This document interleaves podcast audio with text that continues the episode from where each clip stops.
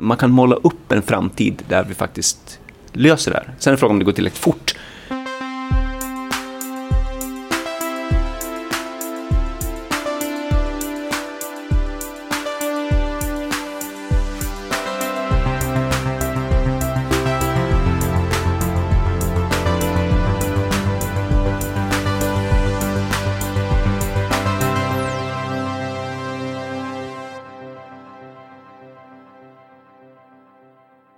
Bra, det här är Heja Framtiden. Vi dundrar vidare från eh, Åland. Sitter på hotell Arkipelag.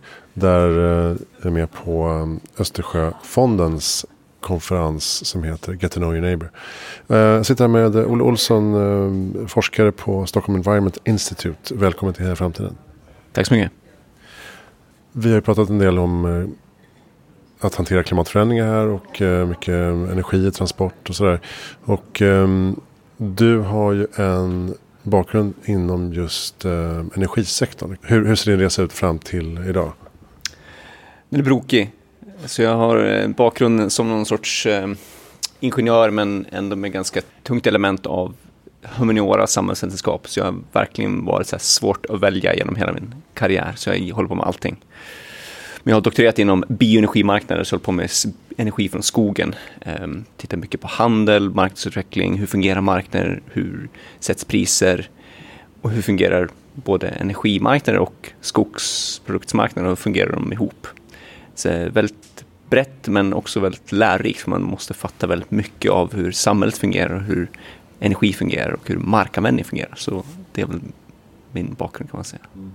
Och du, du tar dig an de här stora, tunga, kanske lite osexiga industrierna och eh, försöker skapa förändring på något sätt. Vilka liksom, sektorer har du varit inne i nu?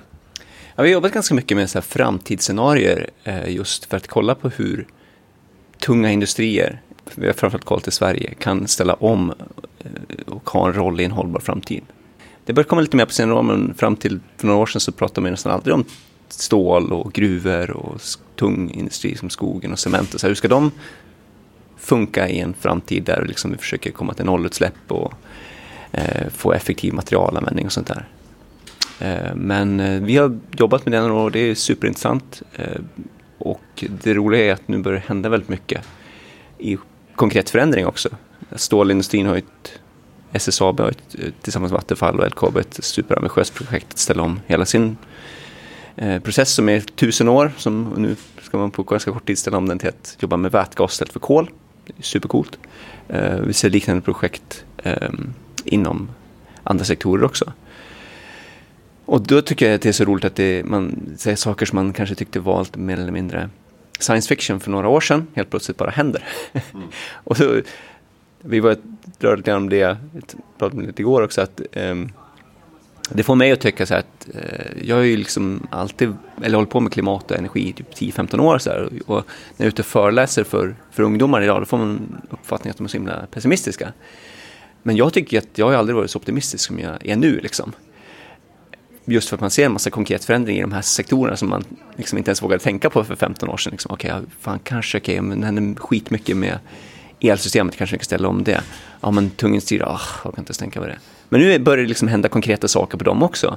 Eh, och eh, det gör ju att jag blir väldigt hoppfull för det finns, finns liksom, man kan, man kan måla upp en framtid där vi faktiskt löser det här. Sen är frågan om det går tillräckligt fort och vad som är tillräckligt fort beroende på vilken, vilken tidsgräns man har när det gäller att fixa klimatfrågor och komma ner till två graders mål och så här. Men det handlar mer egentligen om en tidsfråga än om det går. För det är liksom, okej, okay, det finns lösningar inom precis allt. Mm.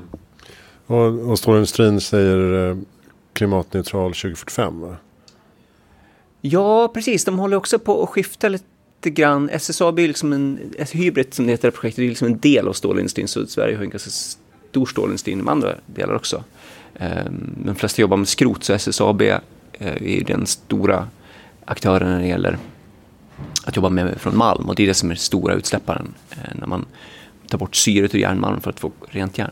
Eh, men jag tror de pratar om någonting 2040-2045. De har ju verksamhet även i Finland. Så jag är inte exakt säker på hur de tänker sig. Och det kommer säkert att variera lite grann Eh, beroende på hur bra det går med de här omställningarna också. Mm. Men det finns ändå en, alltså, jag menar liksom vikten av en tydlig vision framåt som man kan liksom förhålla sig till. Det verkar vara väldigt eh, värdefullt att ha det med sig. Ja, men totalt. Och det, det är jäkligt coolt för att man ser det också, i, bara man liksom börjar visa att ja, men det här är möjligt och det här blir en, en nu tar vi ett stort steg på en, mot en omställning här. Och då ser man också att det, att det ger effekt i form av hur industrin uppfattas. Ehm, stålindustrin har helt plötsligt blivit liksom där det är cool bland studenter och så, så att de helt plötsligt, att man har börjat så här stora, den här stora omställningsresan gör att man också blir mer attraktiv som arbetsgivare. Uh, för att det, det är liksom tekniktungt, det är liksom ett omställnings, lite, lite grann som ett månlandningsprojekt. Eh, det är någonting som har blivit lite mer snackat om även på EU nu. Man pratar om missions. Liksom. Vi, man, man, behöver ett... Vi ska liksom inte jobba så mycket med så små... Eh, ja, det är klart vi jobbar med det också, men alltså att ha ett stort, långsiktigt, ambitiöst projekt som kan fixa någonting stort. Det är väldigt attraktivt. För det här är en industri som står för 10% av Sveriges klimatutsläpp, så jag förstår. Ja, det är något sånt. Precis. Så det finns stora, stora fördelar ställa om. Ja, exakt. Det finns ju enorma, enormt stora fördelar. Um, och jag menar, det är liksom också det här man börjar konkretisera och tänka på, ja, men 2045 ska vi ha liksom netto nollutsläpp i Sverige. Vilka är grejer vi måste fixa? Ja, men elsystemet i Sverige är i princip koldioxidfritt. Värmesystemet är i princip fixat också. Right, vi har kvar industri och transporter. Då är det dags att börja titta seriöst på dem. Det... Du har också varit inne och petat på gruvindustrin. Hur går det där? Alltså gruvindustrin, där gör man också jättemycket. De har också lagt fram en sån här plan för 2045 att man ska få eh, nollutsläpp där. Det, jag tror att det är, jag skulle säga att utsläppen där är inte alls lika stora som, som inom stålindustrin. Man har en del utsläpp där också, men de är ju också med i Hybrid från LKABs tid till exempel. Eh, men man jobbar jättemycket med elektrifiering och det finns supermycket fördelar med att elektrifiera gruvutrustning till exempel.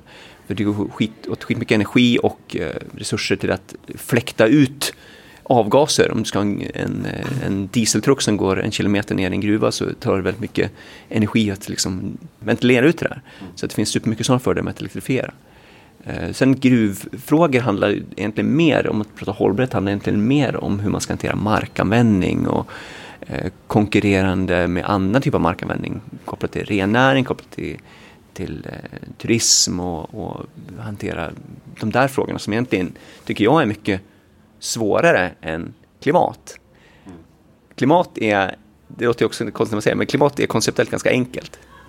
Eh, det är liksom lätt att alla kan komma överens om att, eh, mest alla, flesta är överens om att liksom, vi ska komma ner på nollutsläpp inom 40, 30, 40 år. Det är liksom det vi måste klara av. Liksom. Men att sätta ett mål vart man faktiskt vill komma när det gäller markanvändning eller biodiversitet. Vad är lagom mycket biodiversitet? Det är liksom en helt annan nivå av komplexitet mm. från ett eh, miljöproblem. Då kan, vi ju, då kan vi ju lika gärna komma in på skogen också som du varit inne i. Ja. Um, hur jobbar man där, tycker du? Ja, men skogen är också den här uh, frågan att man, man har ju som en förnybar råvara. Och det är ju i sin tur en väldigt bra startpunkt. Eh, och, och, som klimat, ur klimataspekt så är det också det att du, att du vill använda mer och mer förnybara råvaror i, i byggnader framförallt, men också i material och fasa ut plast och så här. Så på skogssidan tror jag inte heller de stora utmaningarna handlar om klimat, även om att man kanske måste tänka exakt hur man ska hantera det. Det börjar komma lite mer diskussioner om huruvida man ska sätta koldioxidinfångning på skogsindustri till exempel.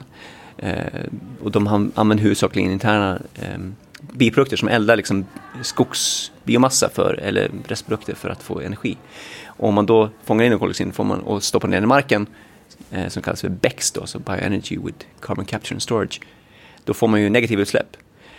Eh, och det skulle kunna vara ett intressant eh, aspekt för att då har du helt plötsligt en, om du tillverkar en kartong och så har du gjort det i en anläggning som, där du fångat in koldioxid från processvärme, då har du ju koldioxid negativ produkt som du säljer.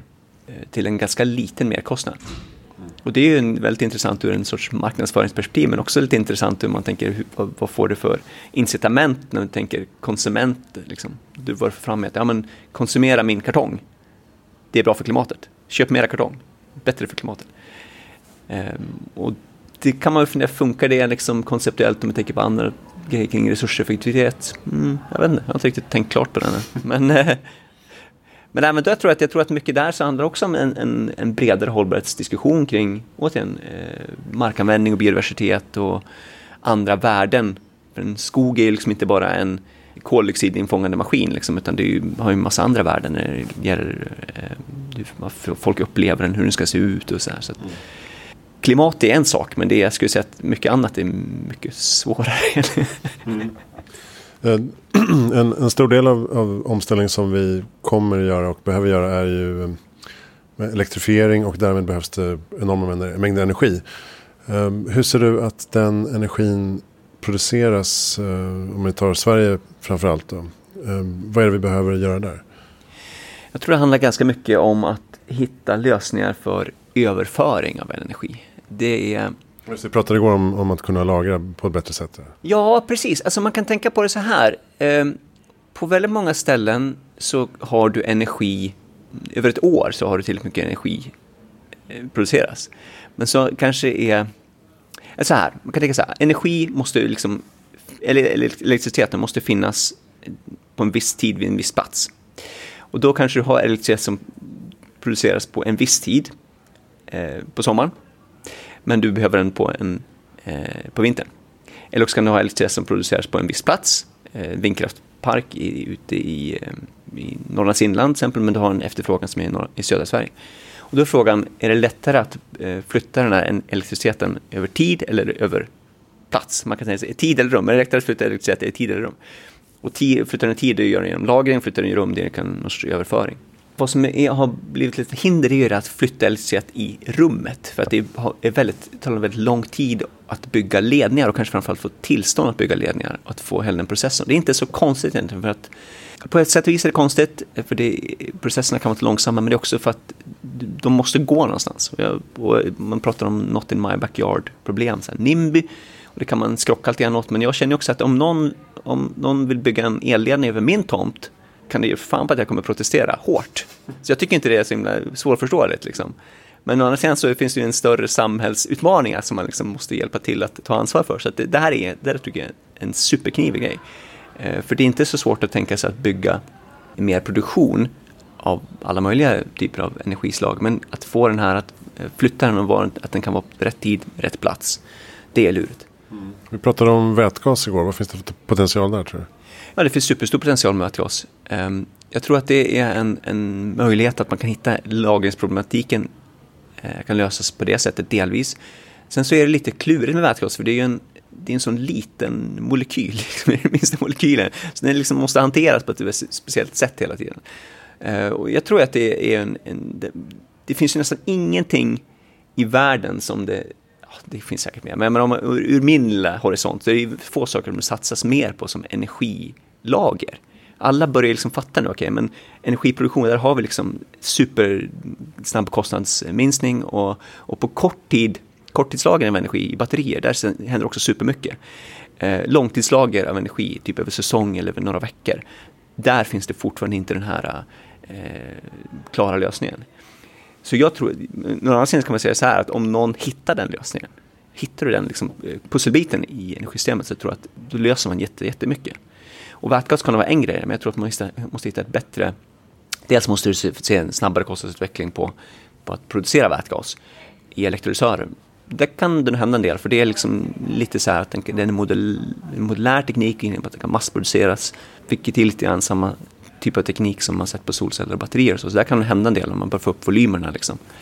Eh, men sen så måste du också hitta ett, ett sätt att lagra det här på som är eh, pålitligt och säkert och som inte är alltför komplicerat. Ja, för det är, väl, det är väl explosivt också, så att man måste lagra på ett speciellt sätt. Ja, men precis. Eh, och eh, då är det frågan om man kan lagra det på ett sätt som är kemiskt eh, stabilt utan att det liksom behöver ha trycks, ja, du kommer, kanske någon sorts trycksatta tankar men, men det är alltid den här frågan liksom, eh, kring ett system som inte har funnits så mycket i kommersiellt bruk eller i verklighetens bruk. Där. Hur, stora problemen är egentligen. Det är liksom, vätgas har ju använt jättemycket i industrin, det är gigantiska mängder som eh, används i industrin. Men att, när man pratar om nu, det handlar om att flytta ut den här vätgassystemen i samhället. Liksom. Jag pratade med min fru så här, jag tänkte det vore, coolt att ha ett, vore inte coolt att ha ett vätgaslager i garaget. Hon bara, ah, vet fan. Ja, som, som, eh, som eh, medicinskt ansvarig i, i familjen så tackar jag nej till det. Liksom.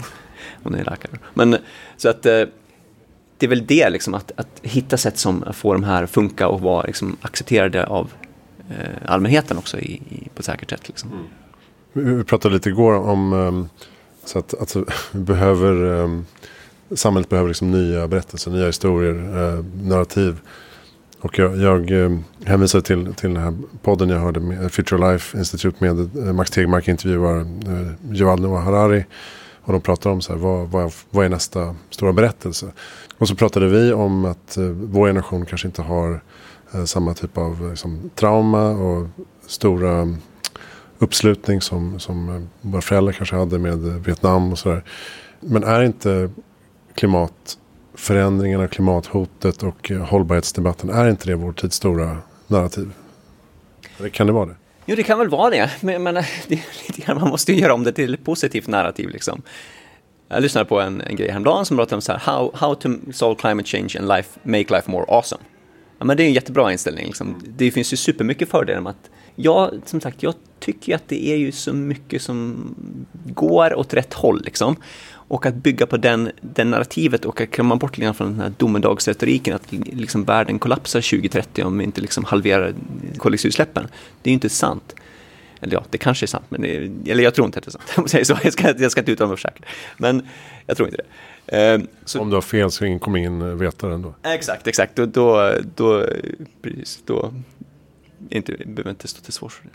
Nej, men, nej, men, men, jag, tror, men jag tror att man måste bygga en, en, en bättre en berättelse. Och jag menar, det handlar ju supermycket om att se eh, positiva spin-off-effekter och kanske inte titta enbart på klimatet. För jag menar, en sån sak som eh, solenergi, kostnadsminskning på det, liksom, det gör ju att öppnar upp jättemycket möjligheter till att elektrifiera delar av världen som kanske skulle få dröja väldigt länge till att få det. Eh, om vi pratar om eh, Afrika söder om Sahara och liksom landsbygd där.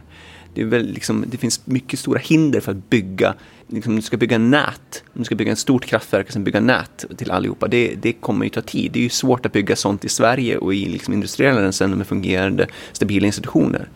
Eh, och det är ju problem även i, i fattiga länder. Liksom. Då är det här sättet att, att, ha solenergi som inte kräver den här typen av eh, stor infrastruktur, infrastruktur en superviktig möjlighet att få ut elektricitet till de som kanske behöver det mest. Eh, och som har väldigt mycket problem kopplat till hälsa när man eldar saker inomhus. Liksom. Och komma bort från det, det är, ibland så handlar det om att de här bieffekterna är kanske större än klimateffekten. Liksom. Eh, så det väl handlar om att försöka paketera klimatproblemet i, i en bredare liksom, hållbarhetslösning. Liksom. Mm. Vi, vi touchade lite kring kärnkraft också eh, i vårt samtal tidigare. Ehm, är, är, det en kontroversiell fråga bland, bland er som forskar kring klimat och miljö? Alltså, är det fortfarande svårt att ta i kärnkraftsfrågan? Ja, jo, men det finns nog en lite problem kring det. Men, och det här är ju lite grann en, en sån här terminologifråga som man ofta brottas med när man håller på med energivärlden. Liksom.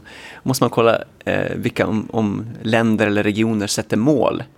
Sätter man 100% renewable, okej, okay, då är inte kärnkraft med. Sätter man 100% clean energy, ja då kan kärnkraft vara med. Sätter man 100% fossil free energy, ja då kan kärnkraft finnas med. Det där är lite roligt för att det liksom handlar lite grann en diskussion om att vara lite mer teknikpragmatisk. Liksom. Jag kan tycka ibland att den här fokuset på förnybar energi som, som eh, koncept är lite missvisande. För det ryms så himla mycket inom det här konceptet förnybar energi som har, är extremt olika saker. Eh, vattenkraftsdamm är ju förnybar energi, men det har ju väldigt lite att göra, hur den värdekedjan ser ut och hur det, liksom, kraften produceras och levereras har ju väldigt lite att göra med hur ett, en solcellsproduktion ser ut. Liksom. Jag kan tycka bland annat att en, en solcellsvärdekedja har mer gemensamt med en platt-tv-värdekedja än med en, en vattenkraftsvärdekedja eller med en eh, biomassavärdekedja. Så att, att liksom försöka komma bort från den här dikotomin mellan kärnkraft och förnybart eh, tycker jag vore praktiskt. Men sen så är frågan, sen så finns det problem med kärnkraft som jag ser det. Många, alltså många är oroliga för att prata med avfallshantering och så. Jag är inte så orolig för det, utan jag är mer fundersam kring hur alltså, politiskt känsligt kärnkraft är. Liksom. För att du har det här systemet som, eh, du måste en långsiktig investering och du måste ha liksom, politiskt stöd på lång sikt för att hantera det. Men det är så himla polariserande så att, um, att om du har då ett, ett um, kommer kärnkraftssatsning i, en regering som sitter i fyra år. Sen så kommer nästa regering som är extremt mot kärnkraft. Hur vet du då att, den här, att det där kommer ligga fast i fyra år? Och då, är, då, då blir det ju det i, i sig blir ju en, ett hinder mot en sån typ av teknologi. Och då kan man tänka, ja men det är fel på det politiska systemet. Okej, okay, men hur sannolikt är det att den här politiska polariseringen försvinner närmaste 25 år? Alltså jag vet inte, det, jag är ju lite pessimistisk där liksom. Jag försöker hitta vägar runt det. Ja, precis. Och det, det är väl som i alla sådana här större infrastruktursatsningar. Alltså, precis som höghastighetståg till exempel. Man kommer liksom aldrig till något beslut för att eh, nästa, nästa mandatperiod kan det rivas upp allting. Ja, ah, men det där är ju supersvårt alltså. Det finns en jätteintressant litteratur om, om megaprojects liksom.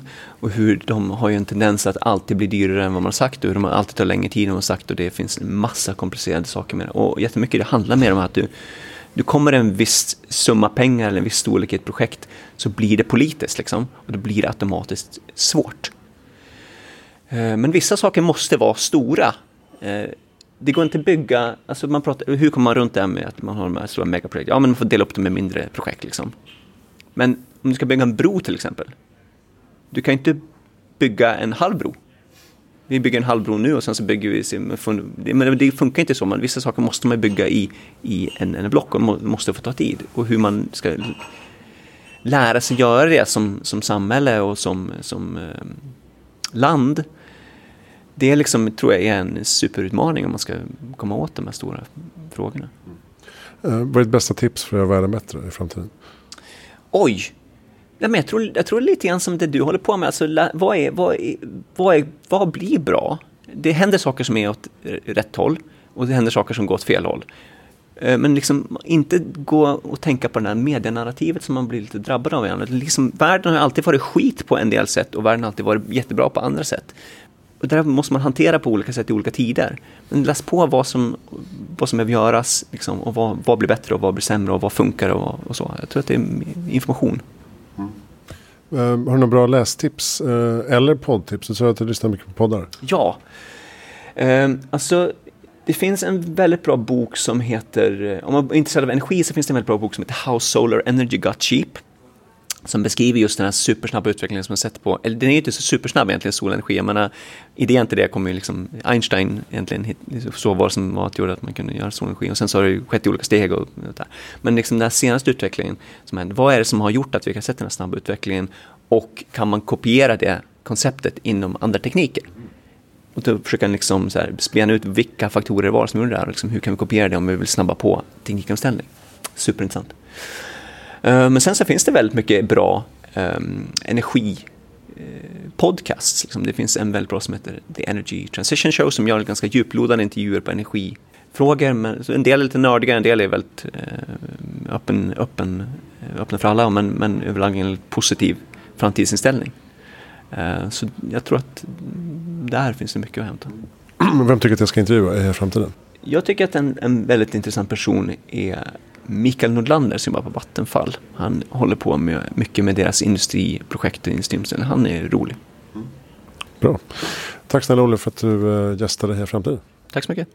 Och eh, Stockholm Environment Institute finns förstås på sei.org. Där kan du läsa mer om eh, deras projekt.